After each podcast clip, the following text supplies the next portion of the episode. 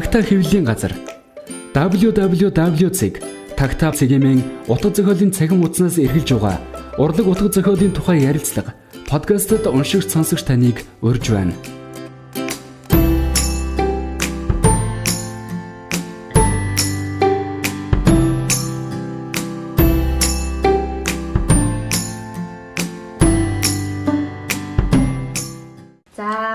подкаст өнөөдөр ч одоо хэддэг подкастны явж байгаа би сайн санахгүй байна.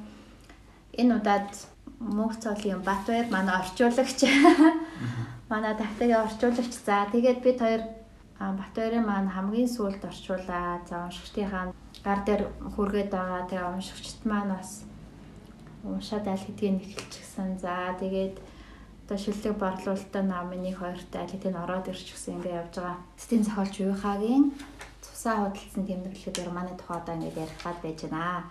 За нодлон бол амьдрахуу зохиол нь амьдрахуур маань монгол хэлэнд хэвлэгдээд за гарсан цагаас хойш бестселлерээс хэрэгүүлэр байгаа. Энэ жил яг одоо яг энэ цаг мөчид баг жил 3 сар өнгөрчөөд байхад тий одоо ч гэсэн бестселлерийн нэр нэгт явж байна. Тэгээд амьдрахуу зохиолыг бол монголчууд үнэхээр маш сайхан хүлээж аваад нөхөр өргөн төлөөр уншсан. Одоо тэр утгаар бид нар энэ зохиолчийн дараагийн алдартай бүтээлийг танилцуулъя гэдэг Тэгээд бас зохиолчтойгоо ярьж хэлцээд тэгээ энэ цусаа хөдөлсөн тэмдэглэлээ дээр маань нэг сонгож аваад ингээд Батбаяр маань орчуулсан байгаа. За тэгээд хоёул өнөдөр ингээд цусаа хөдөлсөн тэмдэглэлийнхаа тухай ярандаа тий. Тэгээд амьдрахуудаа харьцуулахад ер нь ямар хөө зохиол байсан бэ? Орчуулахад яг яаж мэдрэгдчихсэн бэ? За яг гарсан цаг үе нь болохоор амьдрахуугийн яг дараа гарсан. Аа. Амьдрахуу 92 маяг онд гарсан уу? Тэгээд наач 95 он нэг 2 Мерклийн зэт ингээл гарсан. Тэгээд яг амьдрахын зохиол дээр өөрийнхөө яг юу айсан бэхэр өөртөө ямар нээлтэх юм ямар өөрчлөлт хийсэн бэхэр тийм хамгийн энгийн бичих. Энгийнээс энгийн бичих. Тэр хэлбэр яг амьдрахын зохиол дээр олж барьж авсан байт. Тэрээс өмнө бичсэн зүс борон хадах дуу юм уу тэр жижиг өгүүлбүүд энэ төр маш яг нэг 90-ад онд бас хятад дэлгэрж ийсэг барууны нэг модернизм нь дэлгэрж ийсэн. Аа тийм хийсвэр абсурд хаус тийм зүсийн тухай нэг бичижсэн. Тэгэд амьдрахуу дээр болохоор яг тийм хөрсөндөө боосон бодит тийм юм руу орж ирээд тэг бүр тийм их бодит тэргөө тийм төгөлдөр болгосон бүтээл нь болохоор содолцсон тэмдэглэл. Харилцаар анаас бүтсээр маа. Тэгээд харилцаар юм шиг хүүрнө хүүрнж байгаа юм шиг гэж харилцан ярддаг. Одоо ийм маягаар ингээд хүмүүсийн дандаа харилцаараас бүтсэн бүхэл армаанаар ингэж битсэн. Учираас дөрүүдээ аягүй сайн. Цаад хүн дөрүүдээ аягүй сайн мэдрэх тийм шаардлага илүү их байсан хэм амьдрахад харьцуулах. Яг нэг үеийнхээс орчуулж байгаа хоёр дахь армаа учраас харьцангуй бас айгүй ийм л байсан да тий. Аа зохиол маань болохоор тавчлахын дуртагын цусаа хөдөлсөн тэмдэглэл гэдэг нэг ядаа бэрмэр чи биш одоо юу гардаг юм болоо гэл жаха айц зөвшөөр төрмөж төрмөрч юм шиг юм нэртэй байгаа. Гэвч одоо энэ зохиолыг ингээд уншаад үзэхээр одоо агуулган шал өөр зүг рүү уншигчийг хөтлөхөөр тийм ном байгаа штэ зүгээр ингээд товчхон одоо юу гэдгийг агуулгын тодорхойлоход энэ ном болвол нэг соёлын хувьсгалын үед аж төрж байгаа нэгэн гэр бүлийн тухаар маань тэгээд энэ гэр бүл хамтдаа одоо тэр соёлын хувьсгалын цэсээ хувьсгалын дараах хүнд хэцүү он жилүүдийг хэрхэн яаж даван туулж байгаа тухай тэр дундаа энэ гэр бүлийн эцэг гэдэг тэр сүү шангуан гэдэг энэ эр гэр бүлийнхээ төлөө өр хүүхдийнхээ төлөө одоо яаж ингэж ам бие үл хайрлан тэмцэж байгаа тухай юм. Одоо хайр энэрл дүүрэн ийм зохиол байгаа тий яг энэ зохиолыг ялангуяа цусаа худалдагчийн тэмдэглэл гэж байгаа шүү дээ. Тэгэхээр яг энэ зохиолыг бичих үүдэл санаа нь яаж төрсөн бол тэр тухайн чи юм ярьсан байсан уу? Тий за нэлээ одоо за ингээд наач одоо 95 онд бичигдсэн зохиол. Уюхаа гэдэг зохиолч ер нь ингээд яаж одоо хятад нийтийн танил болсон те улстай танил яаж чадах шаарсан. Тэр жоохон замдлыг нь эхлээд төхөөж ярьж байгаа гэдэг шүү. За эхлээд бол за тэр соёлын ордонд ажилд орсноос хойш ингээд богин бог өгүүлбүүд эсэрүүд ингээ бичиж эхэлчихсэн юм билээ. Өмнө нь бол шүдний эмч байсан дараа нь шүдний эмч байж байгаа. Сумын соёлын ордонд орсон ажилд орсон тийм. Соёлын ордонд ажилд орсон. Тэгээ тэрнээсээ ирнэ ингээ жоохон зав зайч гарсан тэгээ бичсэн бичиж эхэлсэн. Анх 1983 онд Бээжин утас зохиол сэтгүүл дээр очиж танилцсан байдаг. Аа. Зохиол мохиол өгөх. 83 онд очиж танилцаад 84 онд анхныхаа өгүүлгийг өгөөд. Аа. Бээжин утас зохиолын хаврын дугаартанд ч л өгөөд. Тэгээ анхны өгүүлгийг бэж удах зохиол төр хэвлэгдсэн. Тэгээд өөрийнхөө нөгөө нэг зохиол хөтлөгч 84 оноос ингээл бүтээл яаж хэвлүүлж эхэлсэн гэдэг нэг тайлбар. Тэгж явж байгаад бүр их нэг жоохон гэж олон танигдсан бүтэл юм л доо 86-ны хавар 87 оны анхны нөгөө бэж удах зохиол сэтгүүлийн дугаарыг хийх гээд тэрийг хийхдээ болохоор ингээд залуу зохиолчдоос бүрдүүлсэн дугаар хийе гэсэн. Тэг шийдвэр гаргаад тэгээд бүтээлийг хүлээж авч ирсэн юм лээ. Тэгээд 86 оны хавар 87 оны дугаарт нь бүтээлээ явуулаад 18 настай гэсэн анхны аялал гэдэг тийм үйлчлэг гэхгүй хаад. Тэр үйлчлэгийг явуулаад тэгээд 87 оны тэр залуучуудаар бүрдүүлсэн дугаарт хэвлэгдсэн. Тэгээд тэр юм нилээн тийм хүмүүст хүрсэн гэх юм уу? Анхны үйлчлэг нь. Тийм аа. Тэгээд яг тухайн үед яг одоо хиттийн уран зохиолд ямар хуу төрөл жанр юунууд урсгалууд одоо хүчтэй байсан бэ гэвэл яг өгчлөө очих шарх сорвын уран зохиол гэж байгаа. Тэр нэг юу байсан бэхээр одоо ингээд 66-аас 76 он тий соёлын хувьсгал. Энэ 10 жилийн дараа нөгөө соёлын хувьсгалын туулсан зовлон зүдгөрийг зохиолчд нь зовж бичиж эхэлсэн. Энэ шарх сорвын уран зохиол ерөөхдөө нэг хоёр хэсэгт хувааж авч үзэж байгаа. Эхний үед нь яжсэн мэл зөвхөн яг тэр түүхэнд бас үйл явдыг бодиттойгоор нь тэр гомдлох маягтай тоочих яах маягтай тий бид нар ингэж зовсон ингэж яасан ийм юм туулсан ёстой л юм гайтай үе байсан гэж тэр ингээл түүхийг нэг тоочж ингэж бичдэг яаж байгаа сүүлдээ тэр нь илүү их газар аваад тийм уянгийн тийм ууг үнгийн гоо сайхан гэх юм уу тийм маягтай уран зохиолын нэг урсгал болоход нөлөөлөөд тэр нөгөө нэг зөвхөн соёлын өсгөлөө бичдэг байсан бол ерөнхийдөө бүр хиттийн дуулж ирсэн түүхэн амьдрал амьдрал те. Аа. Гэхдээ зөвхөн өөр хон түүхэн. Тийм. Энэ түүхнийхээ тэр зовлон үнийг бичдэг болж ингэж хөгжөөд ерөнхийдөө тэр шархшрын уран зохиол тэгээ 90-ад онд ирэхэд бол нэлээд юм хүчтэй урсгал болцсон. 90-ад онтой бол залгсан юм бэл. Аа тэгээд тэрний нөгөө талд нь энийгээ эсэрхүүцсэн нэг хэсэг бүлэг залуучууд гарсан доо. Гол төлөв чинь уйхаа өөр байхгүй. Уйхаа тэгээд сүүтон Майван тэгээд зохиолч Бид нар одоо зөвхөн ингээд л юм ахуу амьдрал яс ийм ингээд бичээд байна. Шинжлэх гэсэн нэг тийм уриал оцонтой юм баг хэсгүүд залууж гарч ирээд тэр барууны юуны нөлөөгөөр ингээд яатсан тийм модернист маягийн зохиолууд бичиж эхэлсэн. Хэсэг бүлэг залуучууд тэр өөртөө тийм хошууч уран зохиолч гэж цоллоод гарч ирсэн гар дотор үе хавар байсан баг. Тэгж жагаад хэсэгдэж явж байгаад яг ингээд амьдрахаас эхлээд бараг нөгөө нэг тийм шархсрын уран зохиол гэдэгтэй адил бараг тэр лүгөө бараг буцаж ингэж ороод түүхийнхээ тэр тулсан тэр зовлон шаналл юу тэн дотор аж төрж байгаа хятад хүний игэл амьдралыг эргэж ингэж бичиж ирсэн.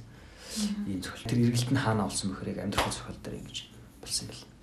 Тэгээд чи бэж удах зохиол тэгж юугаар хэвлүүлчихэд тэгээд тэн дотроос нэг сайн хариулах чи бол ингэ үнэхээр сайн биш чинь болж чинь. Тэгтээ хэдийн номер 1 сэтгүүл юм аа ингэ хэвлэх хэрэгтэй гэдэг. Шахагийн уран зохиолын сэтгүүлд зурчилж өгсөн байдаг байх.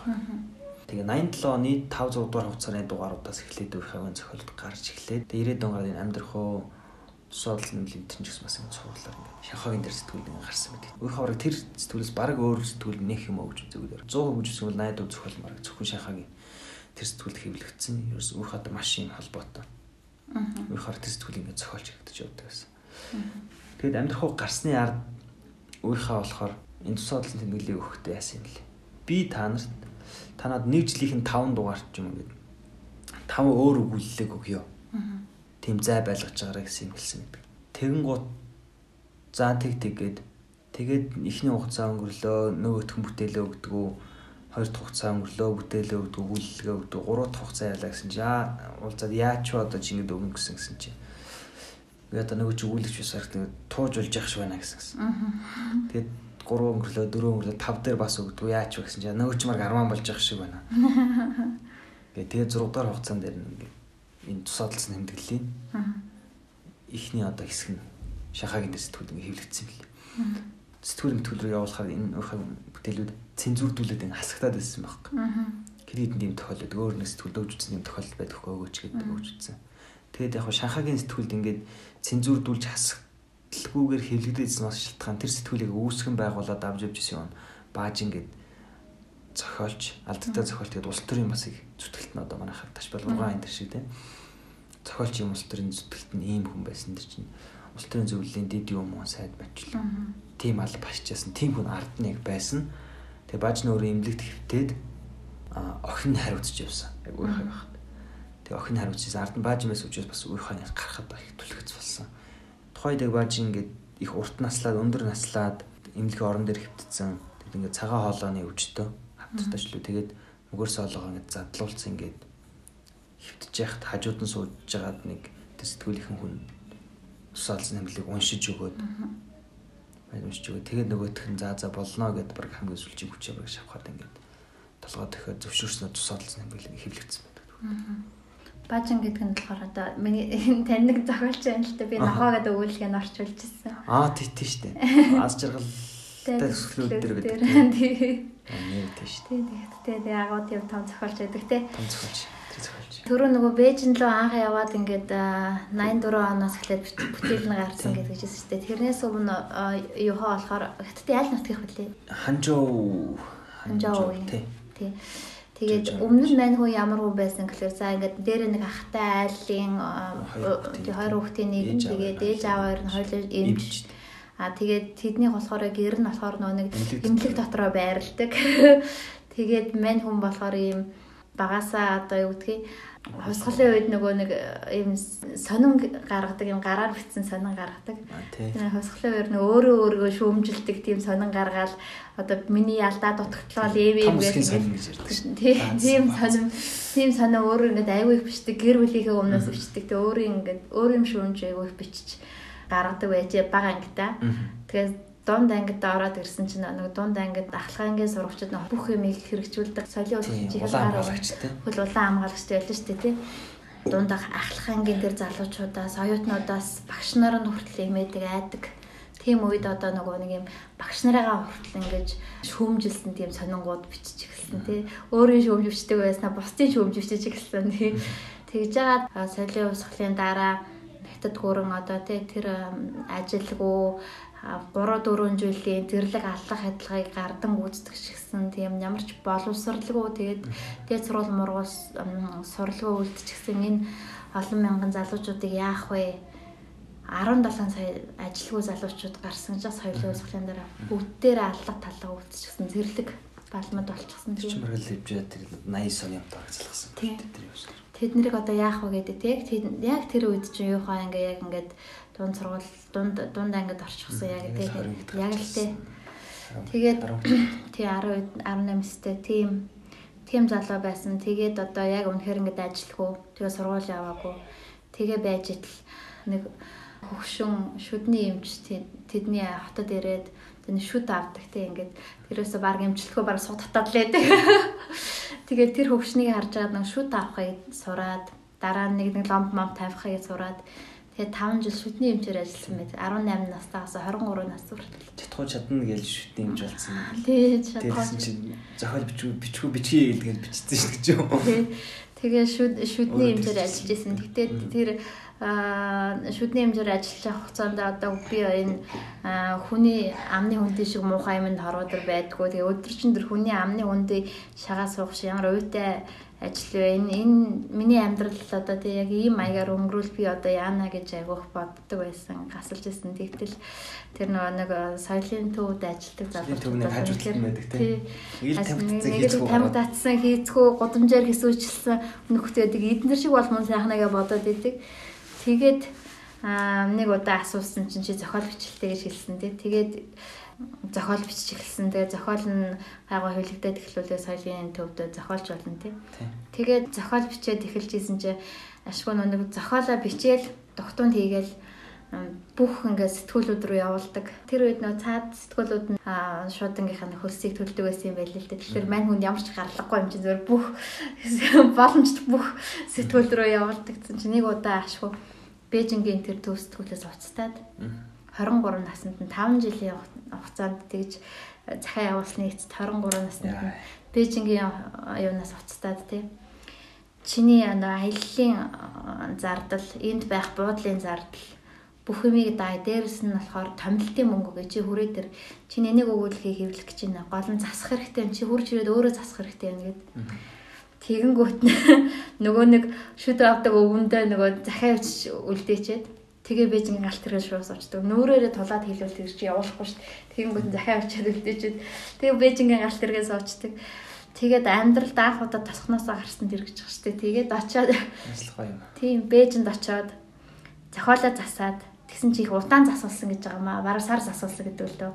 Яг бол чи ингээд юм үзгээд тэгээд нөгөө өдөр болгонд томилтын мөнгөг нь байрыг хангам тий чи юм үзгээ тэгээл баахан ингээл хориотой хот мот одоо одоо Бээжингүүд нь цагаан хэрэм хэрэм үзэж болох бүх юмыг үзчихэл ирэнгүүт нь өөр юу үзөө одоо тийм үзээ үзгээл явуулдаг гэд. Тэгээс тэгж жагаад бүгдийг үзчихсэн за нутаг уцч олно гэд. Тэгээл эрен эренгүүтээ би чинь өстой Бээжин сэтгүүлээс дуудагдсан томилтын мөнгө авцсан. Томилтын мөнгө нь Бээжинд юу сэлгүүц сэлгүүж байгаа нутагтаа босход томилтын мөнгө нь 70 юан үлдэж гин гэж тэр үеийн 70 юан гэдэг чинь амар их мөнгө гэж байгаа шүү. Тэр бомтон болцсон санагдчихсан гэж байгаа шүү. Үедээ юм. Тий, тэгээд нутагтаа очиод би одоо ийм том сэтгүүл бүтээлээ эвлүүлэх гэж байгаа гэсэн чи чи бол манаас манай тасгнаас сурж байгаа хамгийн агуу захиалж болох нэгэд шууд эмнэлгээс нь гаргаад соёлынхаа төвд аваад Тэгээд одоо зохиолч хам зам харгав. Эхэлсэн ингээл тийм бид нэг нэг Улаанбаатар үзлээ гэдэг чинь эдэд бас тийм байд юм шиг. Моёны бас тийм дурсамж гэдэг чинь. Анх 50 хэдэн ч онд үлээд чинь нэг Бразил 100 30 лүү 53 а 53-ийн туслах жолоочор Бээжин рүү нэг хүнс чачиж ирдэг лөө.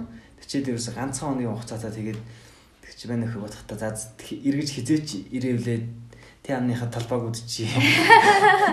гэж очиод ингээд захирал цагийн чөлөө авч байгаа тэр талбайг үздэг ч лөө. Аа. Тэгж бодчихсон ингээд. Тэгээ бидний баг байхад одоо та нарын үед яварсан бид нар баг байсан хот явна гэдэг чинь бүр төөхөн үйл явдал агуу их юм. Тэгээд нөгөө тий хотод хот руу явахдаа хүмүүс яадаг гэж манайх одоо 1200 км-ийн зайтай баруун хязгаарээс өмшт. Зил 130 машины заа юу күүзүүн дээр дах тэхийн нөмрөө суучдаг. Тэгээ 1000 км күүзүүн дээр гээд ачааны машины күүзүүн дээр задгаа дээвэр ямарч бүрхүүл мөрхүүлгөө күүзүүн дээр тэгээд ингээ сэгсчүүлээд тэгээд өвөл олвол ингээ дах тэхтийн дотор гівтээд хот ордог байлаа тамнэ. Манайхаас бас тэгнэ тэгээ сумаас нэг хүн хот яваад ирчих чинь ингээ сум даяар ингээ ярьдаг. Тэр яваад ирсэн. Тэр яваад ирсэн. Өмсөн зүүсэн тийм болцсон байлаа. Ийм яасан байлаа. Гэхдээ Тэр чи бөө юм болно шүү дээ. Тэр шиг юм зохиолчд ингээл бэжин рүү ирээл яхараас. Аа тий. Их хас тэгсэн юм байна. Юуха маань тэгсэн байдаг.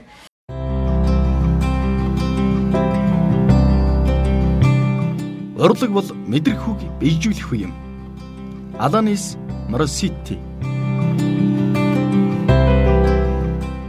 Цусаа худалдсан тэмдэглэл гэдэг нэг зохиолын сэдвээ сонгож авсан байдал нь гэхээр Тэр нөгөө нэг хятад нөгөө цус наймаалах.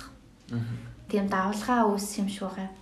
Энд ч одоо хүн угаасаа л ихтэй улстай эмнэлгүүдэд цусны одоо хангамж байнга ингээ бэлэн байж байгаа хэвээр. Тэгэнгүүт одоо энийг бүр ингээд улсаас зохион байгуулад тий цус авдаг юм хүнийг одоо ингээд эмнэлэг дээр томилоод тэгээ тэр хүнд очиод донор болж ингээд цусаа өгдөг байх нь шүү дээ. Цусны төвд цусаа өгдөг. Тэрийг алга өндөр үнээр л авдаг гэсэн юм л да. Тухайн жишгээр нэлээд өндөр үнээр баг жилжингээ тариалан дээр ажиллах мөнгөөр нь ганц удаа цусаа удаагийн дээр гардаг шүү дээ. Тий.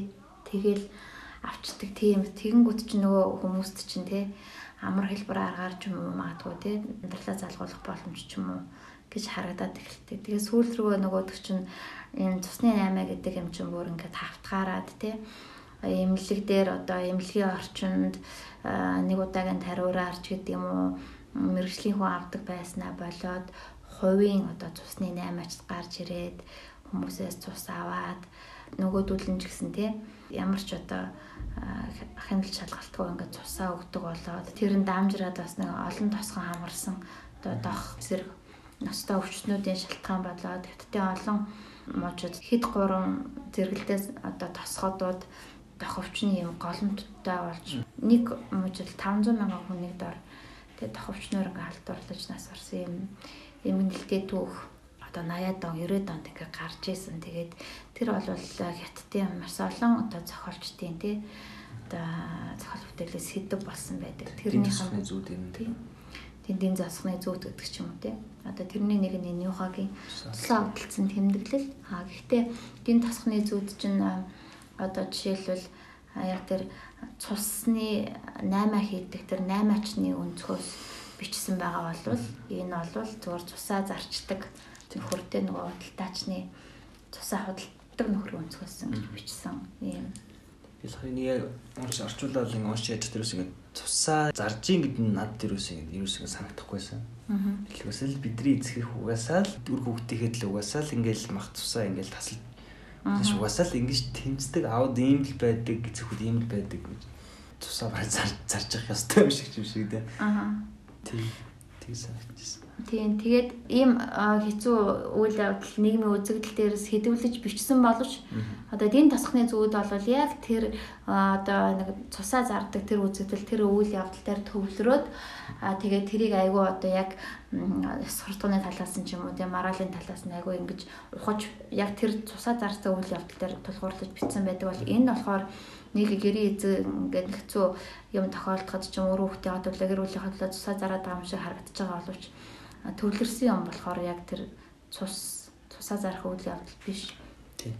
Энэ гэр бүлийн хоорондын харилцаа, энэ гэр бүлийн хамтдаа туулж байгаа тэр он цаг тэр нь болохоор хэдтийн түүхэнд бас ямар хамааралтай ямар он жилүүд байсан гэдгийг дүрсэлж үзүүлэхэд байгаа юм. Тэгэхээр яг цусаа зарна гэдэг бол энэ энд бол зүгээр яг энэ символик утгаараа байгаа даа тийм. Тий тэгээд одоо нэг цусаа зарж байгаагийн юунуудыг айгүй ингээл яг зөв сахилж байхад нийтдээ нэг 11 удаа цусаа зарсан гэ. Тэнгууд нэг л удаад нь одоо өөрийн хүслээр Аа. өөрийн шаардлагаар цусаа зарсан нэг л тохиолдол. Бус 10 дандаа гэр бүлийн лөө. Аа. Тэр эцгийн хайр гэдэг чинь өөртөө юу зориулаад гэр бүл үр хүүхдүүдтэй юу зориулж идэг. Зүгээр энэ тооноос ингэж харахад л 11-ийн харьцаатай. тий 10 харьцах нэг л байхгүй. Тийм. Одоо тэгээд энэ болохоор яг нэг хятадын түүхэн үйл явдал те. Одоо тэр 50-аас 80 оны хооронд 50-ас 80 оны хооронд 30 жилийн эдийн засгийн их их үүсрэнгүүд давшилтын үеийн дараа соёлын өсгөлийн үед дамжаад тэрний дараах эдийн засгийн өсрэлтийн үе. Энэ юм хятадын түүхэн 3 үеийг дамжсан юм нэг гэрлийн төв болж хуурж штэ тий. Югагийн баг нас өөрөө яг тэр а, 60 оны үн тийм үү? 60 оны хүн. 60 он Чин гэж 66 чинь- соёлын тий, гэсэн. 6 нассан барга ухаан орж байгаасаа эхлээл соёлын өсгөл гэсэн байна. тий одоо яг соёлын усхлыг ингээ биеэрээ мэдэрсэн ийм а, хүүхэд байгаа аахгүй тий ялангуяа яг тэр нэг өсвөр насны хүүхдүүд жинхэнэ тий соёлын усхлаа хараа хөдөлгүүр болж исэн тэр үед бас их өсвөр насаа туулсан ийм хүн байгаа. Тэгэхээр яг тэрийг ингээд айгүй ойроос ажигласан ажилтуудаа энэ ормонд айгүй шингээсэн юм санагдсан. Юугагийн нэг дурсамжин дээр тосхныхоо нэг залуугийн тухайд дурсан байсан байхгүй. Тосхныхоо нэг залуу тэр соёлын хувьсгалын үйл ажиллагаанд амар идэвхтэй оролцоод нөгөө багш магшигаа байр заддаг моддаг хувьсгалын эсэргүүнүүдийг илрүүлдэг тэр дулаан хамгаалагчдыг чи оройлж явж байгаад сүүлдээ нөгөө хятад орон чинь нэг соёлын хувьсгалын төсөглөөр за энэ нөгөө зэрлэг энэ хамаг юм хийсэн энэ 17 сая тэгээ сургууль соёл дамжаагүй одоо эргэлсэн ажиллагүй энэ аимшигтэй зэрлэг залуу вэ яах вэ гэдгсэн чинь маава нэг үг хэлээл соёлтой боловсралтай залуучууд хөдөө очиж тариачид юуд туслах хэрэгтэй гэж хэлчихдэг. Тэгэнгүүт бүх нэг 17-аас хавьлан ингээд нүгтийн ингээд нутаг нутаг заагаад хөдөө явуулцдаг. Энэ зохиол дээр ч бүх хүүгүүд нь хөдөө явж байгаа шүү дээ. Хөдөө яваад тасханыхан дээр сал яг хөдөө явсан юм билээ. Тэгэл ир- нэг удаа эргээд ирсэн чинь ингээ ямар ч дуу дууг олчихсан. Тэгээд цонхон дээр баахан нөгөө нэг юм Хамаа хамаар илүү бишгүүр илүү ингээл үлээгээл бишгүүр үлээгээл тэр нь бүр айгүй гонхтой айгүй хаслангуй. Тэгээ өмнө нь бол тэр чинь ингээд соёлын өвсглийн бадрангуй залуу байсан чинь тийм биш. Тэгж тэгж байгаа тэгээ ээж нь чи одоо болоо одоо хөдөөнөө яваа. Хүү амт юу гэж хэлэх юм бэлээ дараа маргаа юу гэж хэлэх ингээд буцаагаад явуулдаг. Явуулахдаа тэр үед өндөг гэдэг юм олддгүй байсан. Хоёр өндөг өгөөд халаас нь тэгээд явуулсан. Тэгээд тэгээд нөгөө залуу дотор төргөн үлс сэлгээд явсан тэгтэл гинт нөгөө хүн өвдлөө гэсэн мэдээ ирээд Шанхай аймагаас олдог. Тэгээ Шанхай аймагаас олсон чинь одоо иргэний шараар өвдөөд тэгээд тэр залуу м, тэнд нас орсон гэдэг. Тэндээс ингээ харахаар нэг хоёр өндөг ээж нөгөөд хөдөө явуулаад тий Тэгээ Шанхайгийн имлэхээс харахаар ээлэгийн дөрөв тэндээс олж авсан байгаа байхгүй тий боо. Тий тэгээ нөгөөх нь одоо хөдөөнөөсөө буцаж ирдэг тий. Хөдөө сун ажиллаж байгаа. Том хоёр нэг буцаж явждаг ирдэг. шин. Тэгэхээр яг энэ одоо энэ айл бол юм гурван хүүтэй айл байгаа шүү дээ тий гурван хүүтэй айл. Тэгэл энэ гурван хүүг соёлын усхлын тэр өмнөд жилүүдэд өсгөхийн тухай асуудал байгаа шүү дээ тий. Тэгэнгүүт одоо юу гэдэг чинь баг хүү бол ингээл гадаа тоглоал гүйчдэг тий. Өө мэдж байгаа юм байхгүй тий юу хаашиг өөр шиг нэ соёлын усхлын үед арай нөгөө нэг нөгөө улаан багш болох насандаа хүрээгүй тэгсэн ер нь л энэ таваргаж идэг. Дунд хүү болохоор ямар байр суурьтай мэддэхгүй нэг нөхөртэй. Ийлээ болохоор бас тэгэл тийм ухааны гар штэ хэлээ. Хар багасаа тийм Тий. хэрсүү. Тий.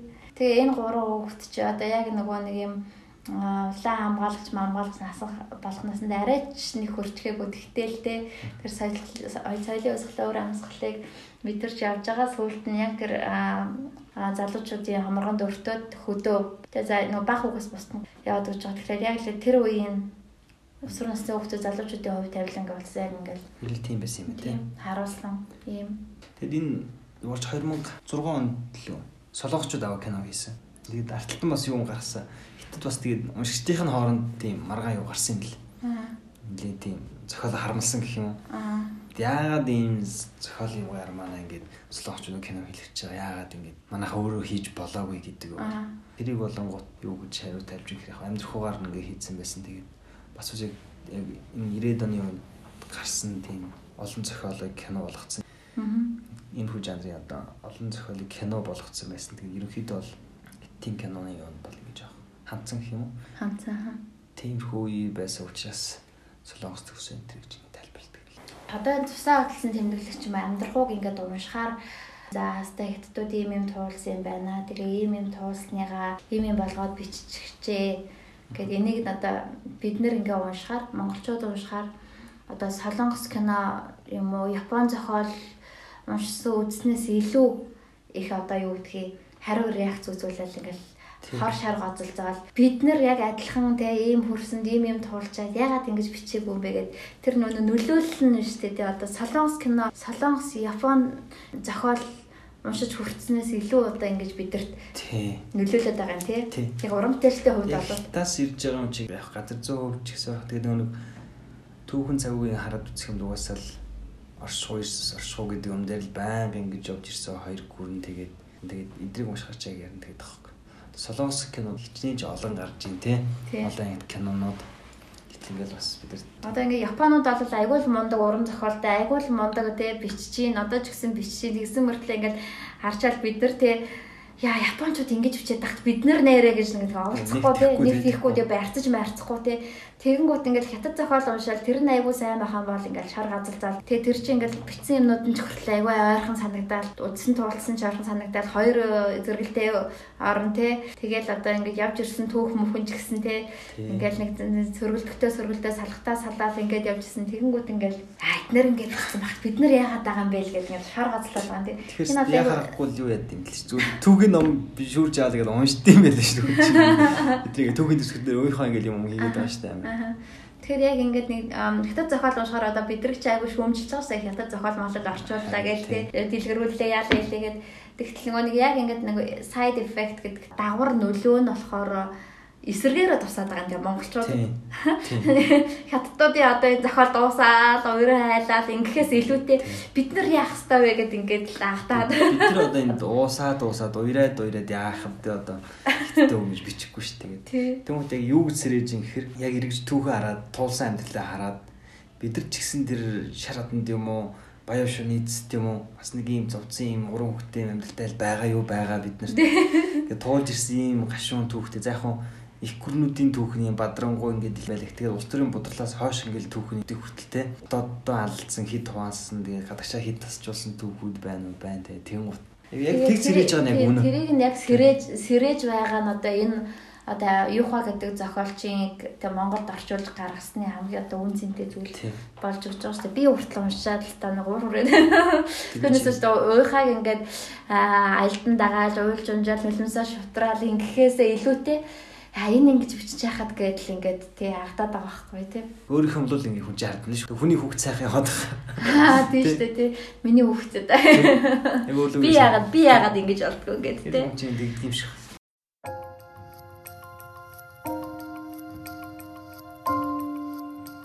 Номыг овоолж байгаад шатаахаас ч илүү долоондор нүгэл бий.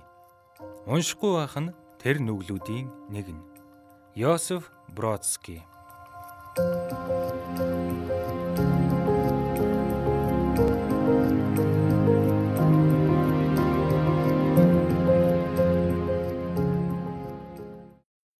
тэгээд харилцан яриан дээр бичигдсэн гэдгсэн би яг энийг асуу гэж бодож ирсэн. Харилцан яриагаар ормон бичнээс харилцан яриаг ер нь зүгээр л нэг текст хэлбэрт бичнэ гэдэг чинь өөрөө маш энгийн одоо маш одоо ихтгэл үнэмшил төрүүлэх үүс тий.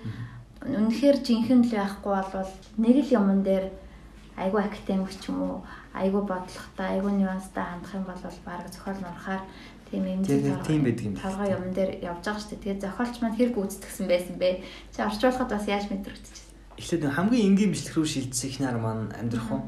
Амьдрах уу яг маш бүр энгийн юугаар ячаад драчиун дээр битсэн учраас харцсангүй юм дадал ингээд сууч. Би нэг кино орчуул үзэх юм санаж бодоод байсан байхгүй. Эсвэл аим боддог ус кино орчуул үзэх хүмүүс харилцаар юм. Тэгсэн чи энэ армаа яг тийм байж таарад битүүд ийм харилцаараа нэг юм диалог байж таарад. Тэгээд ихтэй энд гол амт нь л ерөөсөө тийм хүнийг одоо түрүү хүүрнүүл чадах гэх юм уу. Хүүрнэж байгаа юм шиг харилцаа ярих гэх юм. Энэ хоёр яг дундуур ингээд хийцэн Яг жүжиг мөр юуны шиг ингээд яг юм диалог тийм биш. Таслсан хаа. Тийм. Талсан юм харилцаараа биш. Эсвэл хөөрнөд игээд байгаа юм биш. Энэ хоёрыг дундуур л ингээд байгаа юм хийсэн. Тэгээ өөрөө бас нөгөө ярьсан байсан шүү дээ тий би бичлэгийнхаа хэлбэрийг өөрчилсөндөө биш би зүгээр дөрүүдтэй хандах өөрийнхөө хандлагыг өөрчилсөн учир байгаа юм аа. Би өмнө нь болохоор ингээд зохиол бичиж байхад юу бичихээ мэдчихийдэг. Яаж төгсөхөө мэдчихийдэг. Тэр дүр маань юу мэдэрж байгаа, яаж байгаа, юу хэлхийг хүртэл мэдчихийдэг байсан. А тэгэхээр одоо би болохоор энэ дүр чи өөрөө гэсэн амьдралтай, өөрөө гэсэн үжил бодолтой, өөрөө гэсэн өвөлөх түүхтэй өөр ингэсэн мэдрэмжтэй юм шүү.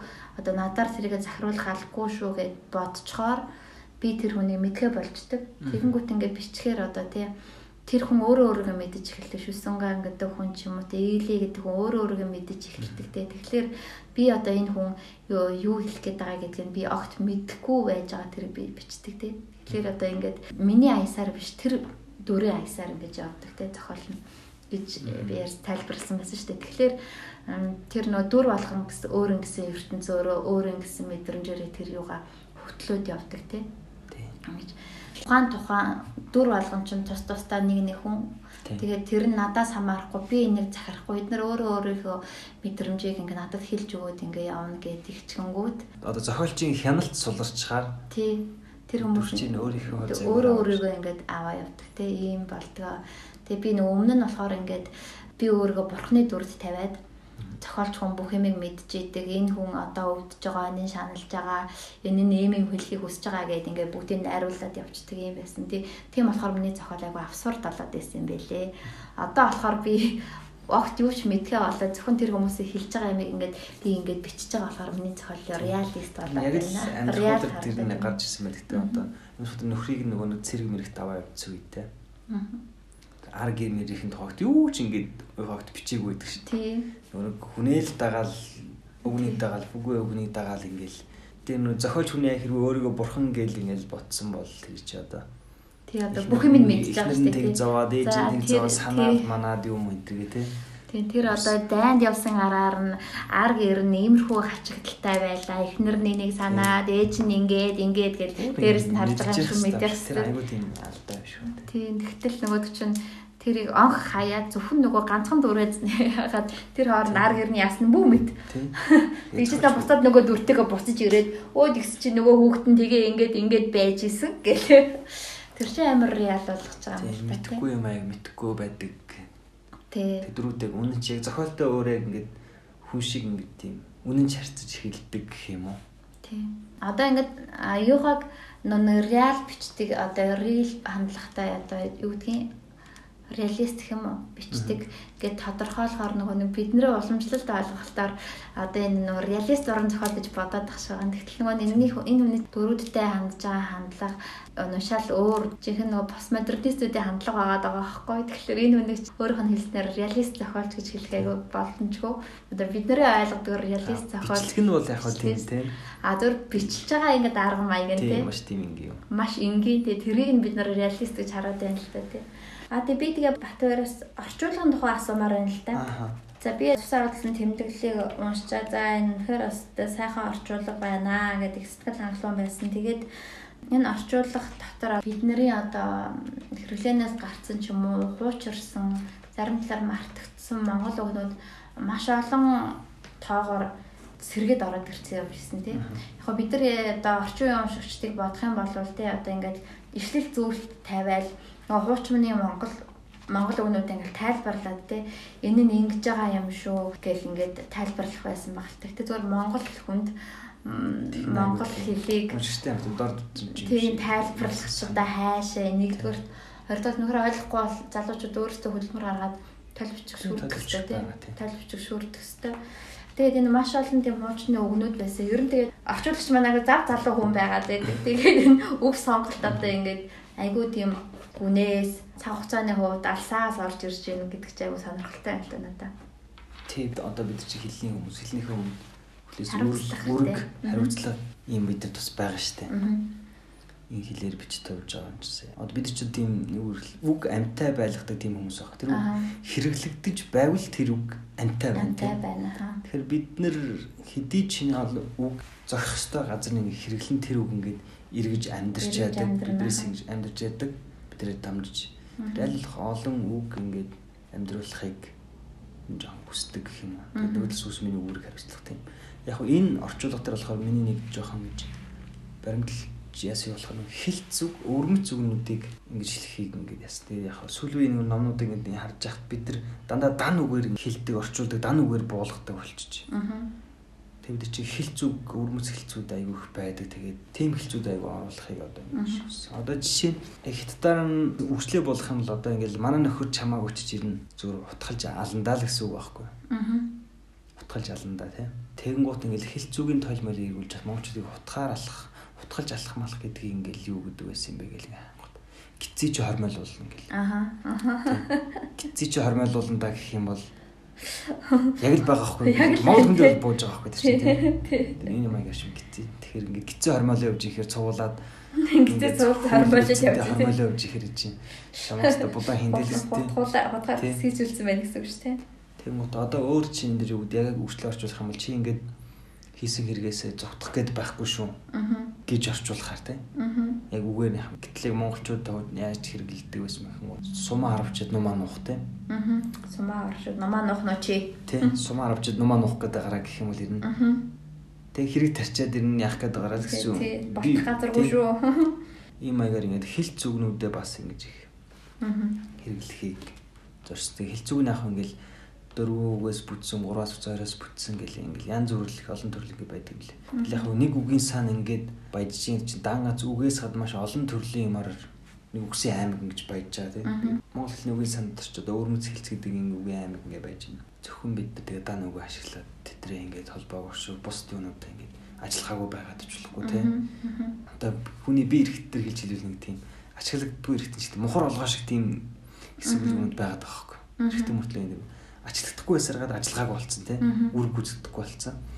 Тэгээ хэл зүгээ өрмөцөлцийг нь ашиглахгүй байгаад байвал ингээд сонь мэдээний идэвхтэйг ингээд байгаад байвал тэд чинь бас ингээд юм болж бас болох л ирээд бас байгаа хэрэг. Тэгэхээр бид нар айгүй хариуцлагатай аль хүмүүдийг ингээд амтай байлгах очиж ингээд тосыг нэмж явах, галыг нэмж явах юм хэрэгтэй. Нэгэнт одоо Монгол уран зохиол те хэлнийхэн галыг манж авч авж байгаа нэг залгаж авч байгаа залуу хүмүүсүүд бол энэ бас аюус нэмээд төшийг сайхан нэмж олж ирэх хэрэгтэй гэж боддог. Олон нийтийн хэлний хэрэглээнд хамгийн их нөлөөлөх төвчин сэтгүүл зүйн хэл магадгүй тэ сонины хэвлэл радио телевизийн хэл гэдэг чинь.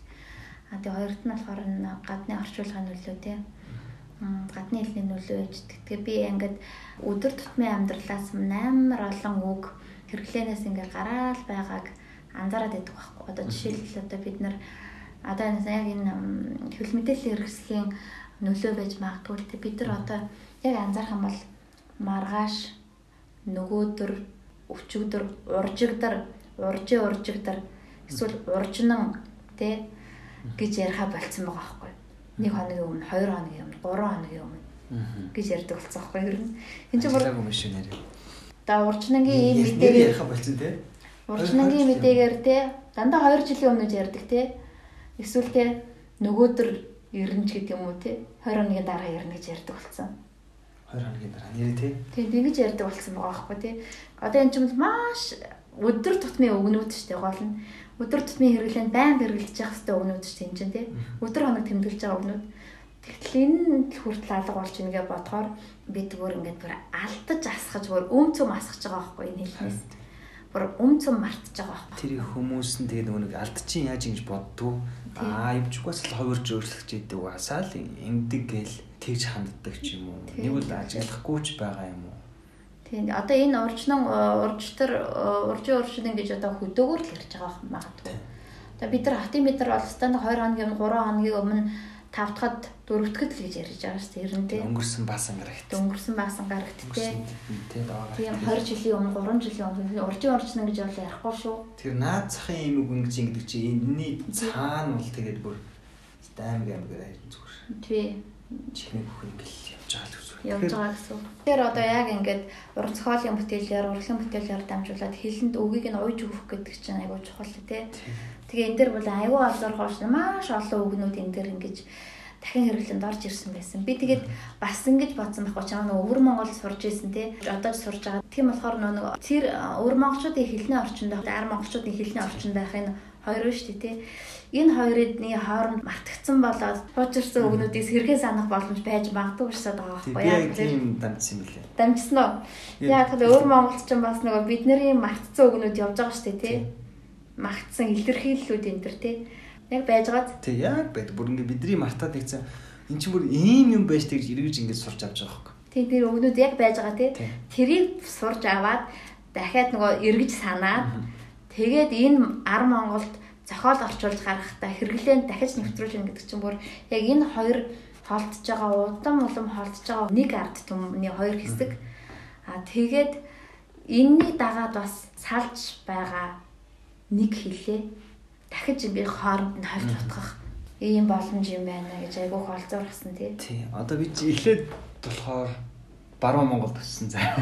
Тийм шүү баруун Монгол. Баруун Монгол. Тэгээд ингээд тэг төв халахтаа төв халахад ирээс сурсан. Өвөр Монголд ингээд өвөр Монгол руу явсан. Энд яг миний орчлон баруун Монгол, өвөр Монгол, ар Монгол. Ийм хүү юуны нөлөө юм яг байдаг. Тэгээд чинь өвөр монголчууд анханасаа нөгөө нэг хитэд үг юм уу авах та нэг Монгол болгож авсан юм байдаг юм. Бид нар ч юм болохоор ингээд ухамсаргүйгээр ингээд зөв хэрэгжилж байгаа шүү. Бид нар ч юм маш болгоомжтой ингэж харьцаж анхааралтай харьцаж эхэлж байгаа учраас аль монголоор ингээд хэрэгэлдэг юмуд. Хамгийн сонирхолтой бүр өөр мөлийн тунлиа ам те жирим амгар хамгийн урдлын хамгийн ихэлж тариалах орон болсон. Одоо хятад хамгийн дөрөвний чотныхан захад юугаа хатгсан тийм газрын хүмүүстэй шунгаатгсан тийм газрын хүмүүс одоо наатлын ашаа шилийн голч хөлбөрч юм уу эдрийнхээ мартсан үгнүүдийг бүр хуучны тийм монгол үг бүр тэнд байдаг байхгүй. Бүр манай нуус товчоонд хэрэгэлдэг байсан үгнүүд. Одоо тэндээс ирж болтдог. Хамгийн уртлаа юм гэсэн. Сонь сонь монгол үгнүүд их гарч ирдэг урд байж байгаа. Тэгээ өөр монголчин өөрөө ингээд бүсэнтгийн угаараас их олон өгцсөн. Тариал хорон малж хорон гээл. Тэгээ тэд нар ч нөгөө манжи үеийн юунууд нэг байдаг. Манжи үеийн засаг зэрхааны хань үг ингээл нэг 100 болгож хуваагаал 100 дотор нь отог юм уу гэж хуваагаал тэдрүүдийнх нь уул мөрх юм гэх юм байдаг ингээл.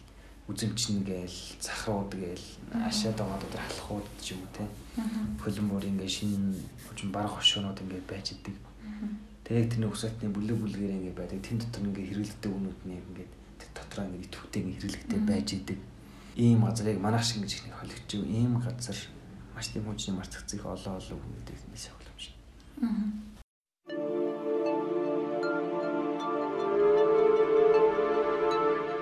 Зугаацах гэж, сургамж авах гэж, мундаг болох гэж бүү унш. Амьдрах гэж унш. Густав Флавер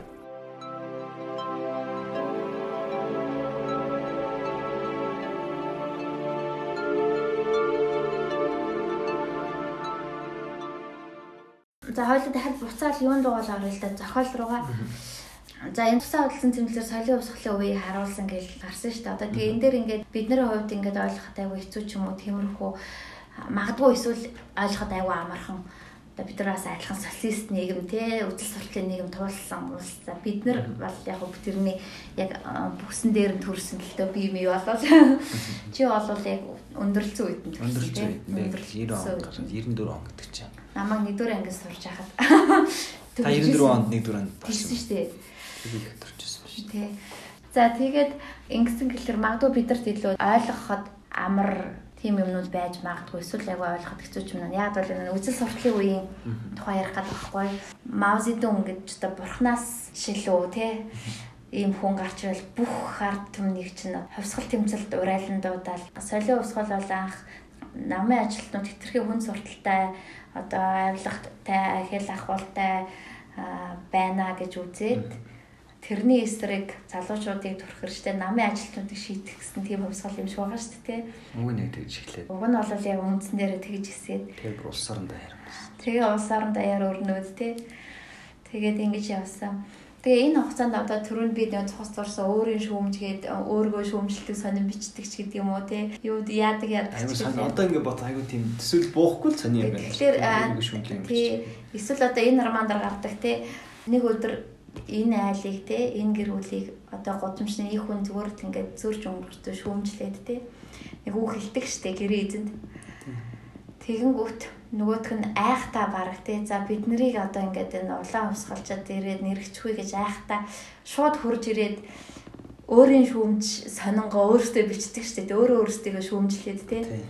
За би бол ингээд хувьсгалын эсрэг мөн үү за чи эхлээд эхнээсээ яг одоо энэ өөрийгөө 8 жил гээд бах үгээсээ эхлээд тий би ийм ийм юм уушраас би хусгалын эсэргүү. Дунд хүн өөрийгөө намжлаад том хүн намжлаад аав ээж намжлаад тий тэгээ тэрийг хандаа хадаад тэгээд мао зэдүнд үнэн гэдгээ тангарахлаад тий бас яа сонь сонь л үзэгдэл тий аюу. Тэгээ мао зэдүнд хайртай гэдэг Тэгээ яг энэ энэ үзэгдэл нийгмийн үзэгдэл ингээ сэтгэл зүйн талаас нь ингээ бодоод үзэхээр одоо бид нэр одоогийн бид нарыг төсөөлөхөд айгүй хэцүү боловч тухайн үед ингээд нийт нийгмээр нэг ийм феномен надаа ийм үзэгдэлт ингээ яваад орчхоор тэр нь бүх юм л ингээ утга учиртай. Тэгээд өөр яг л аясаараа л ингээд явж л байдаг юм шиг байгаа юм л та. Би ингээд юухагийн дурсамж энэ төрийг уншихаар мань хүн бас тэгж дурсамжтай бичсэн байхгүй Мао Зэдүн нас орсон гинэ. Мао Зэдүн нас ороод их орондоо ярих асуудал болоод бүгд уйлаад тэгсэн чинь юухаа жоохон байсан. 10 хэдэн наснда их удирдахчаа алдчихлаа. Би маа тайртайгээд сумынхаа улаан болонд нь цугстай олны дунд уйлсан гинэ. Түл амар их Ста үнэхээр чин сэтгэлээсээ уйлаа. Ста маавгүй бол одоо ингээл хороо эрдэнэс одоо ингээл дууслаа тий чи нар гэдэгс нар нь. Тийм манай нар. Манай нар нь одоо ингэж аргачлаа. Одоо бид чи яана гэл яг ингээл уйлж исэн чинь тэр чинь стил бас жоохон хөөхтэй багш гэсэн чи энд нь ч нэг гонгнол тэнд нь ч гингэнэл энд нь ч гиншэл бүр нөгөө түн амтны уйлын чи ялхар сонсдол амар тэгэнгүүт нэг гинэд нь гэсэн гинэ тэгээ уйлж иснээр энэс энэс нэ би одоо яг ингээл инээж байгаа хүмүүс харах юм бол би толгоогоо цустуулна гэдгийг бас мэдээд байна гинэ тэгэнгүүт нь доошоо ингээд суугаад гараараа ингээд халахлаад Тэгээд нугдаачаад ингээд авалцтал инээгээд ийсэн чинь дараа нь тийм яриа гарсан байна гинэ. Маугийн араас хамгийн их уйлж харуулсан хүн нь юу хаа гэдэг яриа гарсан байсан гэж тэ. Тэгэл бид нар одоо нөгөө нэг хойц солонгосыг тэ их удирдахчаа хараад яаж баярлж байгаа бүр ингээ яаж уйлж тэ бүр орон дээр уйлж байгаараа шоолоод байдаг тэ. 20 эдэн сая тэнэг амтан байгаа юм шиг тэгж тэгтэл яг тэр дотор нь орохоор тэр чинь мэдчихдэг юм шиг. Шал өөр одоо юм Уг нь бидрээс нэг холгүйхэн үеийн л манай түүх байна тий. Манай түүх чинь бас нэг намтаа тий нэг удаа ингээд үддэг штэ. Тэгээ манай ээж ч одоо нэг оюутан байхдаа Рушим нас орчлаа гэд бид дөнгөж сая бид нар нөгөө хаттын жишээ ярьж байгаа дээ. Тэгтэл социалист Монгол оронд Рушим нас орчлаа гэд тэгсэн чинь Монголд одоо нөгөө нэг оюутнуудаар Рушимын хөрөг зураг ингээд одоо сургуулийн спортын зааланд ч юм уу сумын улаан болон ингээд тавиад тэгээд тэрэнд хүндэтгэл үзүүлээд ингээд хоёр хороор маань хамдаг байсан гинэ. Тэгээ маань чавдаг байсан гинэ. Тэгвэл чи манай ээж ээлж ирээд маань чонж унтчихгүй. Маргааш нь хувьсгалын эсрэг болох шахсан гэж байгаа шүү дээ. Бангтуулаад оюутан өөх. Зүү юм бэ. Зүү. Тэгэхээр чи монголчуудтай яг ойролцоо яг ажлын адилхан адилхан жилийн өмнө хэлдэг байх. 30 жилийн өмнө хэлдэг шүү дээ. Тийм тийм. Яг монголчуудыг адилхан туулсан байхгүй юм биш. Одоо л болохоор бид нэр тийм Тийм чи одоо яг тэгж маудыг өмчи илэрхийлж явж байгаа эхнэр нь одоо ингээд бүр хувьсгалыг болждаг шин. Нэг хүүхэд нь өөр хүнийх болж таарангуут садар самуу юм манад юу гэдэг жигших юм дүр болоод. Тий. Тэг гудамжныхаа сандал дээр ингээд зогсдог тий. Тий.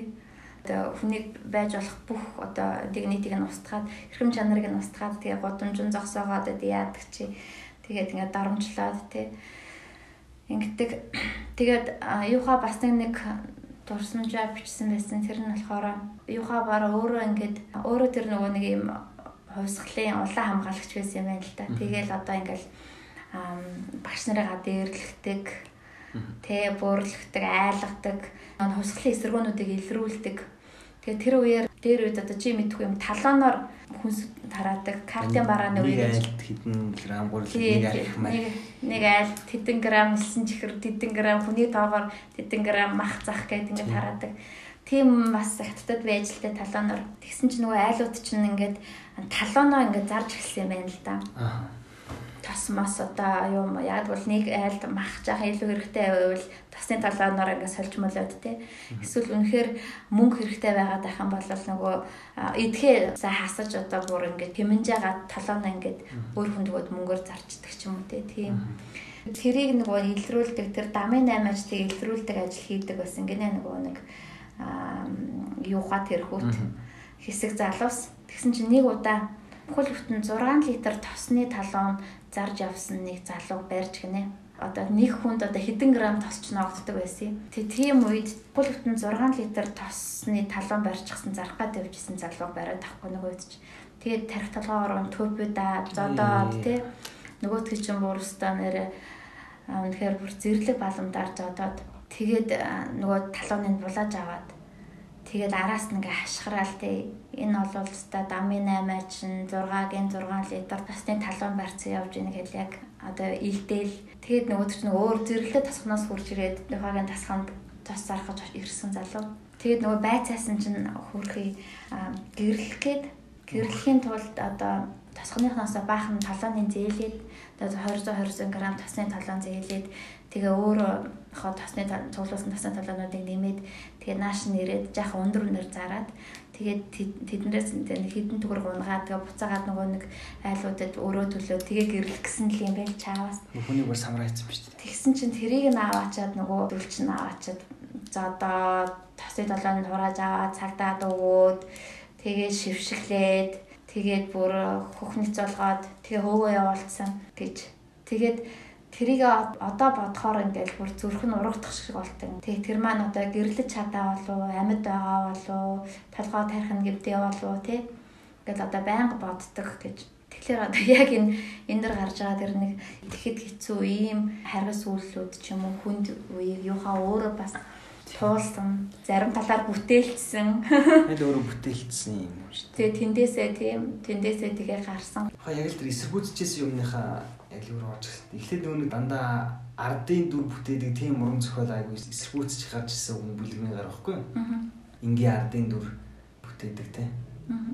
Тэгээ эсэргүүцчих гарч ил ингээл хоёр хүний юм шин чанартай тийм манлайлагч ийм тийм баатар юм хүний юм аягүй бичих гэж гарч ирсэн. Одоо болохоор өөрөө ингээд баг насаараа яг нөгөө игэл ардынхаа дүрийг ингээл. Аа. Яг энэ дээр ч нөгөө сансан чи би бас нэг нэг дурсан жил санчлаа. Аа Fusion гэж хятадын нэг алтартай зохиолч алтар нөгөө галзуу хүний өдрийн тэмдэглэл өвчтэй. Тэгээд Fusion ч одоо хятадын бүр агуу зохиолч те шинэ үеийн уран зохиолын төвшөрөгдсөн гарна. Тэгээ шинэ үеийн уран зохиолын үндэслэгч одоо үжтэй даанчтай нэг азар тэр чинь 36 30 данд нас орсон шүү дээ те. Тэрний дараа бүр бүр хожим Мао Зэдун гарч ирсэн. Тэгээд нөгөө соёлын өсгөл өрнсөн шүү дээ тий. Тэгэхэд яг соёлын өсгөлөөр ганцхан хүлэн зөвшөөрөгдсөн зохиолч инклюшн. Инклюшн тийм. Бусд нь бүгдээрээ тийм соёлын өсгөл эсрэгөө хогийн ургамал гээд бүх үндэсний зохиолчдыг устгасан тийм зохиол бүтээлийн тэр үтгийг л орс морс одоо тэгэл одоо бүх гадаад зохиолыг устгасан. Яагаад тэр хүн үлдсэн гэхээр Маузидын Люшинд үнэхээр дуртай. Бүр үнэхээр багтаж хайрладаг Тэгээ тийм болохоор Люшинийг магтдаг, Люшинд хайртай. Тэгэхээр их удирдгчийн дуртай хайртай ганц зохиолч нь зохиол бүтээл нь одоо мөнх наслахаас явах үү соёлын өсгөлөөр ноёны бүх гэдэг шиг. Тийм тэрэн шиг тэгээд нөө Маузидүнийг ингээд их удирдгч гэж хэл дууддаг. Тэгээд Люшинийг болохоор их ноён гэж дууддаг. Одоо бусад бүх хүнийг нөхөр нөхөр тэр гэж дууддаг. Тэгэхээр тэн дээрээс хятадтай нэг удирдахч, нэг ноён, бус нь бүгдээрээ нөхөр таваар иш байсан байгаа байхгүй юу?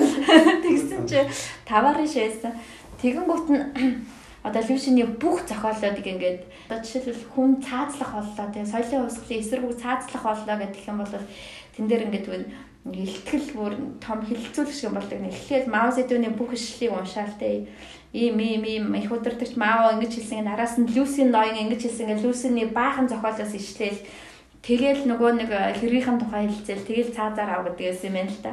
Тэгвэл Люсиний зохиол бүр цаазын ял гүйцэтгэдэг хэрэг болдог.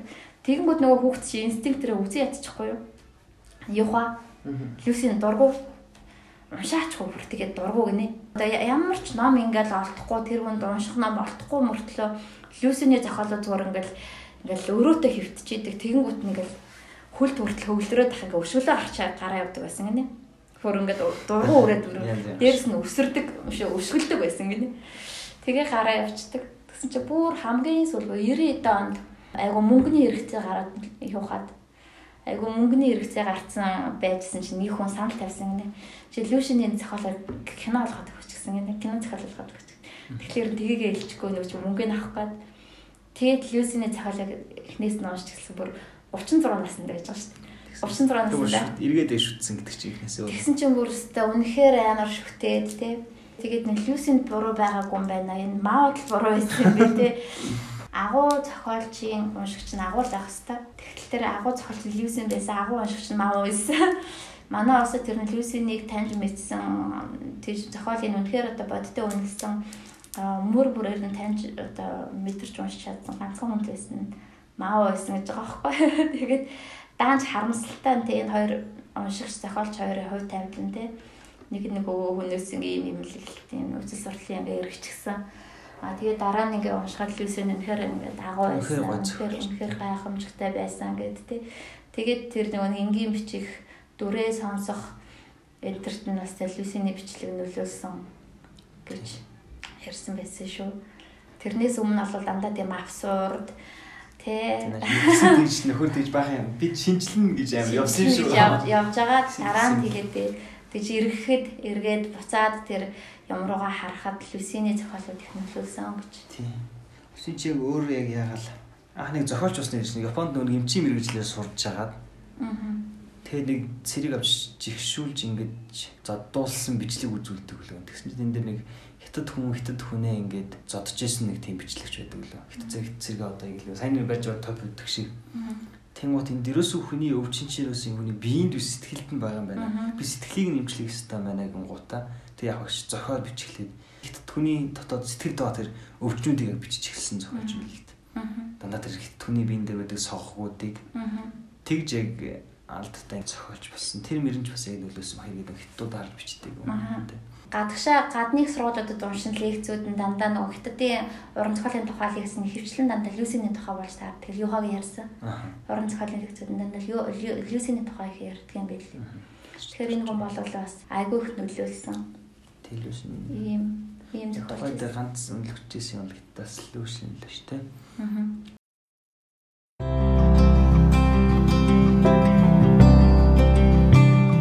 Урлаг бол мэдрэх үг бийжүүлэх үе юм.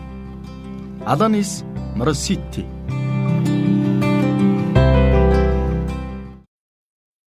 өмнө нь маань хүн чинь нэг амар абсурд маягаар бичдэг байсан гэдгсэн шүү дээ. Одоо нөгөө нэг яг энэ амьдрах уу цусаа удалсан тэмдэглэл хоёр дээр зүгээр байж болох хамгийн дээд хөлбраар тэр реалист зохиолч байж харуулсан шүү дээ. Тэгсэн чинь одоо болохоор мань хүн дэгсэн байгаа байхгүй юу? Маугийн үеийн хятад оронч гэсэн. Одоо яг орчин үеийн эдийн засгийн өсрөнгөө хөгжөлтэй хятад оронч гэсэн аль аль надад амар абсурд санагдав. Ер нь амьдрал өөрөө абсурд. Тэгээ зохиол бичнэ гэдэг чинь нэрийн абсурд ертөнцийг одоо үгэнд дэглэхт үгээр эмгцэстэй болгож ингэж нэг ойлгож авах юм маа. Тэгэхээр бидний нэг ойлгодог цохол амар абсурд амьдрал реал гэж ойлгоод байдаг ч яг эсэргээрээ эсэргээр амьдрал бол амар абсурд зохиол тэрийг ингэж үгэнд ингэж эмгэх зэгцэнд оруулж ойлгоход илүү хэлбэр болгож ингэж нэг зохион байгуулалтанд оруулж тийгэлж байгаагаараа илүү тийм. Тэр юу хаа нэг жишээ авсан мэт юу гэж авсан юм бэ? Тамхир жишээ авсан мөлөө. Аа тий. Юу гэсэн юм бэ? Тэр чинь хятад орой амар абсурд, орчин үеидтэй орой аюу абсурд гэдэг гэж байгаа байхгүй юу? Тэгээд тэгж ярьсан мэс Одоо жишээлбэл одоо ингээл хятадд нэг зурч ирээл те нэг зочд буудалд ингээ буулаа гэхэд зочд буудлын хүлээлгийн өрөөн дээр энд тамхи татах хороотой гэсэн тамхиг хоригдсан гэж бичиг байна. Тэгэнгүүт яг тэр урд урдчилж байгаа ширээн дээр үнсний сав байж байна. Тэгээ энийг одоо яг юу гэж ойлгох вэ? Яг яг хятад ороо ийм ийм абсурдтэй оршин үедээр ийм абсурд. Бас нэг нэг юу нэгээд одоо хятадд одоо ингээд байж болох бүх төрлийн галзуурл ингээд гардаг гэнэлтэй. Одоо жишээлбэл маогийн үед болохоор хятад орныг юу илүү хөдөлгөж исэн гэхлээр эрх мэдэл эрх мэдэлд тэмүүлэх одоо тий. Хин нэгэн яаж хийж байгаа нэг тамхтаа болчгол хин нэгэн яаж хийж байгаа намын албан тушаалдан болчгол тэгэл амьдрал нь шийдэгддэг ч юм уу тий. Эсвэл одоо юу гэдгийг хувьсгалын эсэргүү байх хувьсгалын тэмцэгч байх өөрөө аль аль нь бүр алга өрүүлэхин зайтай тий гинт хувьсгалын амар тэмцэгч явж байсныг гинт эсэргүү болох нь гэсэн юм алга өрүүлэх тий. алга оруулахын зайтай тэр донд хүмүүс зөвхөн эрх мэдлийн төлөө л ингэж алдчихсан гэдэг. Одоо бол хятадд юу ирэх мэдл зөвхөн мөнгөний төлөө ингэж явдаг. Хятад орныг мөнгөний төлөө ийм чин хүсэл, мөнгөний төлөв тэмцэл нь авч явж байгаа гэдэг. Тэгээ мөнгөтэй холбоотой нөгөөхөө бас нэг юунда ярьцлага ярьсан байдаг байхгүй. Хятад орны яг орчин үеийн дээр байгаа тийм тандаа тийм эмзэглэмээр асуудал юу гэсэн чинь хоёр хүүхдэр жишээ явдаг байхгүй. За би Шанхагийн нэг хүүхд ингээд сонгоё. Тэгээд хятад орны хаана хятад орны захын нэг зүү хадлын мөн юм ингээд нэг хүүхд сонгоё. Тэгээ шинжлэр ямар бэлэг авах вэ гэж асуу энэ хоёроос гэж байгаа юм. Тэгэхээр Шанхагийн тэр юм хүүхэд нь би нисэг онгоц замаар байна гэж хэлнэ. Бүр тэр нисэг онгоц бүр жинхнээсээ нисэг онгоц шүү тоглоом биш гэж байгаа. Харин нөгөө хүүхэд нь гэх юм бол магадгүй би ингэ дулаахан готл ч юм уу амттай чихэр ч юм уу ийм юм амаар байна. Тэнгуутыг нэг улс оронд нэг цагт амьдарч байгаа хоёр хүүхдийн одоо хүслүүнийх юм зөрөө гэж амар юм хол болсон байна. Нэг нь нисэх хонгоц хийж хат нэг нь дулаахан гутал өсч идэг тийм. Ингээд нийгэмд авахын ингээд юу холдох тусам энэ улсын явж аягүй тийм өтө болж идэг. Одоо жишээлбэл ингэдэг нь хятадд зарж болох бүх юмыг зардаг гинэ гэсэн чинь одоо жишээлбэл хятадын нэг нэг юунууд удамжуудаа ингээд компаниудад ингээд зарчдаг гинэ. Тэгэхээр одоо юу гэдгийг Coca-Cola гудамж. Тэгээ одоо юу гэдгийг тий нэг ардын уламжлалт имжлэгийн одоо нэг тийм тосмос байлаа гэхэд тэрний нэртэй юу гэдэг хүн ороход ямар юмны гудамж гэдэг ингээд нэг зарчдаг. Тэр нь болохоор компаниудад бүтээгдэхүүнээ ингэж мөнхлөхтэй мөнхөд ингэж бүтээгдэхүүнийхээ юуг сурталчлах юм айгу гоё боломжуулт юм байна л да. Тэнгүүт тэр өндөр өнөр зардаг. Тэнгүүт тэгж байгаа байхгүй. Би одоо реалист зохиол одоо энэ цусаа авалцсан тэмдэглэл үнэлэх ингээд амьдрахад реалист зохиол бичиж одоо ханлаа. Би одоо дахиад амар гоё абсурд зохиол бичнэ гэнэ. Тэр нь бол зүгээр л ингээд хятадтай одоогийн амьдралыг бичгээд л одоо өөр бол. Шууд абсурд болчихно. Шууд абсурд болно. Би одоо Coca-Cola гудамжинд амьдрдаг одоо юу ч гэдэг нэг тэр хөө ийм ийм гээд ингээд бичүүлдэ бүр надад бүр өстой бүр Кафка Фолкнер эднэр яаж атархах болоо гэж бичсэн. Ухаантай л да. Тэгээд өөрөө бол бүр кино бүр ингээл тултал үздэг, хөгжмийн бүр ингээд тултал сонсдог. Айгүй хүмшдэг. Яг тийм хүн юм шиг байна. Хөгжим миний цохол бид нөлөөснөг бүтнэгээ ном бичсэн. Тэр нэрөөс нь өөрийнх нь ингээд сонсдог плейлисттэй одоо бид хоёр ингээ хоёр талаас юухаг ингээл юухаа тийм юухаа ийм юухаг ийм үе нийгэм ийм гэж яриад байгаа нөгөө учир нь маань одоо ингээ нэг юм юм абсурд байна одоо маугийн үеийн нийгэм эдийн засгийн өсөлтийн үеийн нийгэм одоогийн орчин үеийн нийгэм гэл ингээд ингээл яриад ингээд зохиол бичээл ингээл эсвэл тэмдэглэл бичээл урсан бичээл ингээл байгаад байгаа. Энэ хүн ингээд нийгмээ ингээд асар их ажигладаг тийм маш их ажиглаад маш их ажиглаад тэгээд тэндээсээ ингээд нарийн нарийн гаргалгаанууд гаргаж ирээ. Тэрийг эргэцүүлээ. Тэгээд тэрийг ингээд бүтээл болгоод дахиад ингээд боловсруулад байна шүү дээ тийм юугаагийн гаргасан схемийн дагуу Монголын нийгмийг ингээд бид нар одоо жишээлбэл уран бүтээлчийн хувьд ч юм уу ажиллах юм бол ялгаагүй авсуур санагдаж байгаа байхгүй надад ч гэсэн одоо айгүй юм байна. Амар авсуур санагдаж байгаа. Магадгүй бүр амар ч авсуурт юм шигтэй бүр илүү. Одоо нэг 13 дугаар зууны үеийн хоёуг дуудлага агссан эмэгтэй хүн те хатан хаана таньж залаач ээ гэдээ ордныгадаа орилоо зогсож ийнэ гэдэг чинь манай нэг үгүй тэгээд Чингис хаан төрцөн өөлөн үжийн төрцөн Чингис хааны хүү Тэ угсаа залхамжлсан хан хөө төрцөн тэ бүгдээрээ яг ингээд өөрсдөө яг тэрийг гэж итгэж үнэмшээд тэгээд зохион байгуулалтанд ороод эсэргүүцэл илэрхийлээд эсвэл тэр талаар итгэл үнэмшилтэй сургаал зохиолоо айлдаад тэ өөрөөсдийн гэсэн хүрээллийг бий болгоод бас нэг эмгтээсэн штэ нөгөө а хар сүлд дахиад байлдааны хар сүлдийг дахиад цэргийн их харсвал. тийм цэргийн их хар сүлдийг цэргийнхнийг оролцуулаад тавьсан байгаа юм биш. Тэгээ манай нөгөө юм хөлийн цэргийн мэрэгнийг оролцуулаад тий. Гэх мэтчлэн ингээд нийгмийн ажиглах нь 13 дугаар зууны үеийн санахаа ингэж дэлбэрж штэ. Тэгээ тэрнээс гадна бас орчин үеийн ингэдэж байгаа хүмүүсийн бас гаргаж байгаа үйл айл тий одоо одоо ингээд тэгээд энэ нийгэмд одоо ингээд тесвэрж байгаа энэ байдлуудыг одоо бид тэр сонин дээр гарч исэн сенсац бүрийг одоо ингээд би хүүхэд байгаас илүү сандаг л та тий ордон лөө ном сумаар харуулаад гэнэ.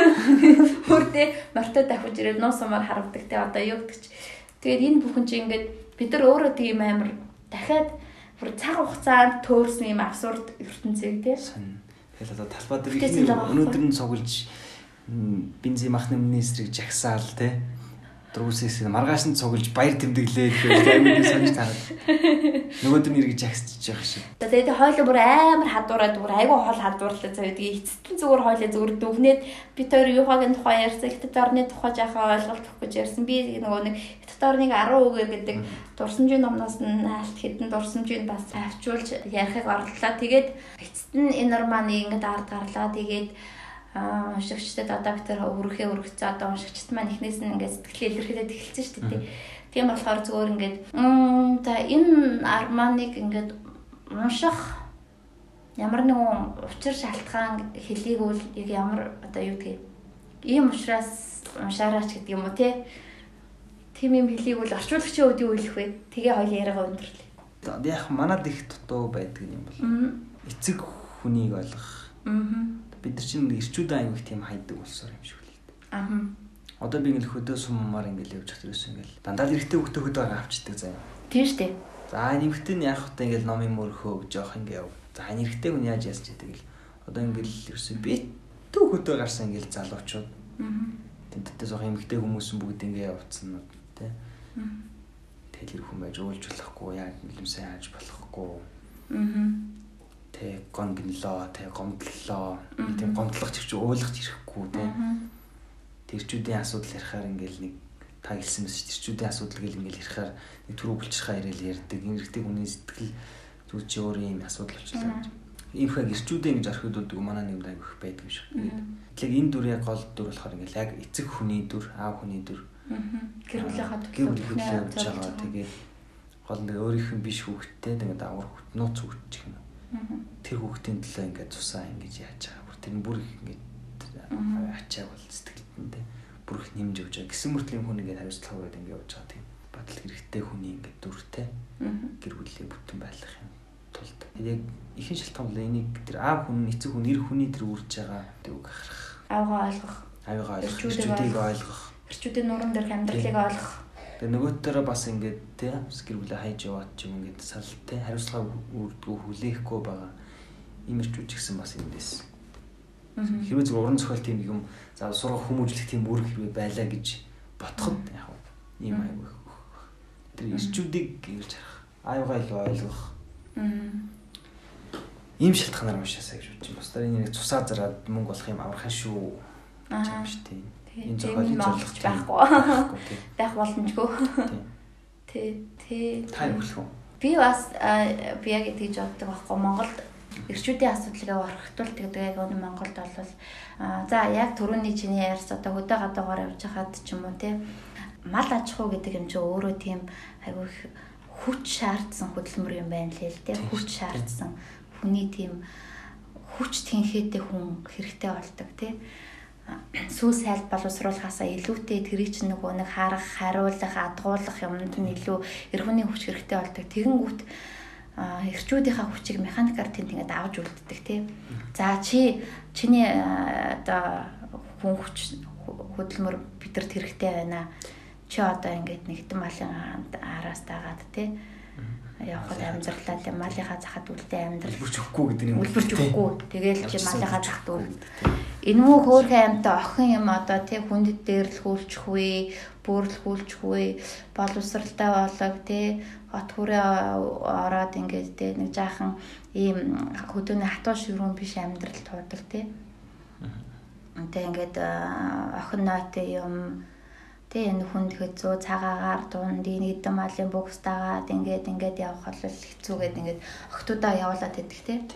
Яг одоо охтуудаа аваад үлдэж байгаа биш л те. Гэхдээ нөгөө нэг юм аливаа юмны нөгөө тэнцвэрийг хангахгүй болвол хөдөө бол ингээд тэнцвэр ингээд алдагдсан. алдагдаад одоо хөдөөгөр дөрөв ихнэргүй Хүүхдэд моцикл унсан тийм тэгээд залуучууд хуусан тэгээд тийм залуучууд одоо ингээд хөдөөгөр дүрлээ нөгөө нэг хүн чин одоо энэ чи араад намтан ч хүн ч бүгдээрээ тий нөгөө нэг юм амьдралын утга учир нь ч юм уу те оршин байгаа утга учир нь хажуугаа хуршид ч юм уу нэг үзэсгэлэнтэй ч үзэсгэлэнгүйж вэ нэг бүсгүй сэтгэлийг нь гिचгцэн бүсгүй баг тэр нь сайхан харагдах тийм үү? Тэрэнд мундаг харагдах мад харагдахт чинь одоо тэр залуучуудын одоо те тэрхэн одоо хугацааны одоо утга учир оршин шүү дээ оршин байгаагийн тэгтэл нөгөөдөл нь ингээд бүгдээрээ явждаг өөрөөсөө бүгд ингээд хэдэн дарагсан залуу үлдчихээр те ингээд нэг тийм утга учиргүй цагаан өнгөрөөс ийм нөхдүүд айгүй их байна. Тэгээ энэ нь ингээд заамшаа даашаа одоо ингээд яваад бид нар болохоор ингээд бодлогын асуудал ярихаар юм уу, улс орны асуудал ярихаар энэ нэг дөрөв уулын дундах юм нэг л яриад байдаг юм да тий. Яг энэ улс орны даяар ингэж харж үзвэл. А тэгээд нөгөө нэг эмгтээчүүд ингээ өндөр боловсралтай болоод боловсролын системээс ирчүүд нь ингээ дээшлэх тусам ингээ шахагдаад ирэхээр тий эргээд энэ эмгтээчүүдтэй хортой болдог. Явж явж байгаа л бид нар бүгдээрээ л гадны ирчүүдтэй ч юм уу суухгүй тодорхойгоос. Буцаад нөгөө хүмүүстэй суухаар нөгөө боловсралгүй ирчүүдтэй нөгөө энэ хооронд чинь боловсролын зураагаар нь үцэн арсны зураагаар нь тэгээд тэндээс өлөө ойлголцохоор нь тэгээд нөгөө нэг боловсралгүй хүмүүс нөгөө нэг тэрийг хүчрхийлэлээр шийддэг ч юм уу тий. Ийм асуудалгаар эргээд нөгөөдөг чинь эмгтээчүүдтэй ашиггүй байхгүй юм чинь тий. Энэ хүсийн энэ тэгшүүс байдал холдох тусам эмгтээчүүдтэй дахиад ээлгүй хортой. Тийм болохоор одоо нийгмийн бүх харилцаа дээр энэ хүүсийн тэгшэр байдлыг байнга ингэж авч явж байгаа майр юм шиг байна. Тэгээ бид нар ингээ ирчүүдээ яаж их төрөө байрдаг яаж одоо ирчүүдийн уран дээр ингээ ачаа өгдгийг одоо огч үнэлж ярьдаг дээ. Тэгтэл яг энэ зохиол дээр те хин гэр бүлийн өмнөөс амь насаад эн чин тавьж ин хин тусаа юулж байна. Эхнэр бол ингээл бас очиж өгөөл өгөхөр тэгтэл чи дараагийн зарчаач тэгээд тусаа зарчаач тэгээд Эхлээд бол эсэргүүцэд ингэж чи яаж ядарч яасан чинь ихгүй Ингэхгүй шүү. Тусаа зарах уу гэдэг дараа нь чи хүүгийн дарга ирчлээ шүү дээ. Энэ одоо энэ хүнийг дайлах хэрэгтэй чи тусаа зарчаач гэдэг шавдуулдаг тий. Гэх мэтчлэнгээр тий. Гэх мэтчлэнгээр одоо бодит ингэж утгаараа чи цаад нөгөө нэг зам бэлэгдэл утгаараа чи бэлэгдэг бол утгаар ч гэсэн тий. Рискийг докторуу ингэж түлхэж байгаа юм тий. Рискийг бол дандаа ирчүүд уурч гарч идэг. Тэ тэгээд зэрэг одоо дайчлахаа одоо юу гэдгийг те одоо тэрний хөдөө мөдөд дайчлагтаал явж байгаа дандаа ингээд ирчүүд их мэдлэгээр бид нар ч гэсэн ингээд бүх асуудлыг дандаа ингэж хоёр талыг тэг шамруулж харж үзэх аа шийдвэрлэх тийм л өстой юм шиг байна. Тэгээд аа нэрчүүдийн орон дээр хямдрал самархаа байдаг юм бэ гэдгийг бас харуул бас зүгээр те. Зөв хүний нуруунд дээр байгаа яаж зүтгэж байгаа Аа тэгээд бас хариуцлагагүй эцгийн дүрч байгаа тий. Эцгийн дүрч ингэ байгаа тий. Аа тэгээд эцэггүй өсөж байгаа хүүгийн дүрч байгаа тий. Хүний хүний гэрт хөхөний өндөг болоод тий. Өсөж байгаа. Тийм дүрч байгаа. Бүхэл дүр байгаа. Бүхэл төрлийн ирчүүдийн дүр байгаа тий. Маш их ирчүүдийн дүр. За за за за баярлалаа. За. Хоёлоос дүүг олдож ухар холдож тий.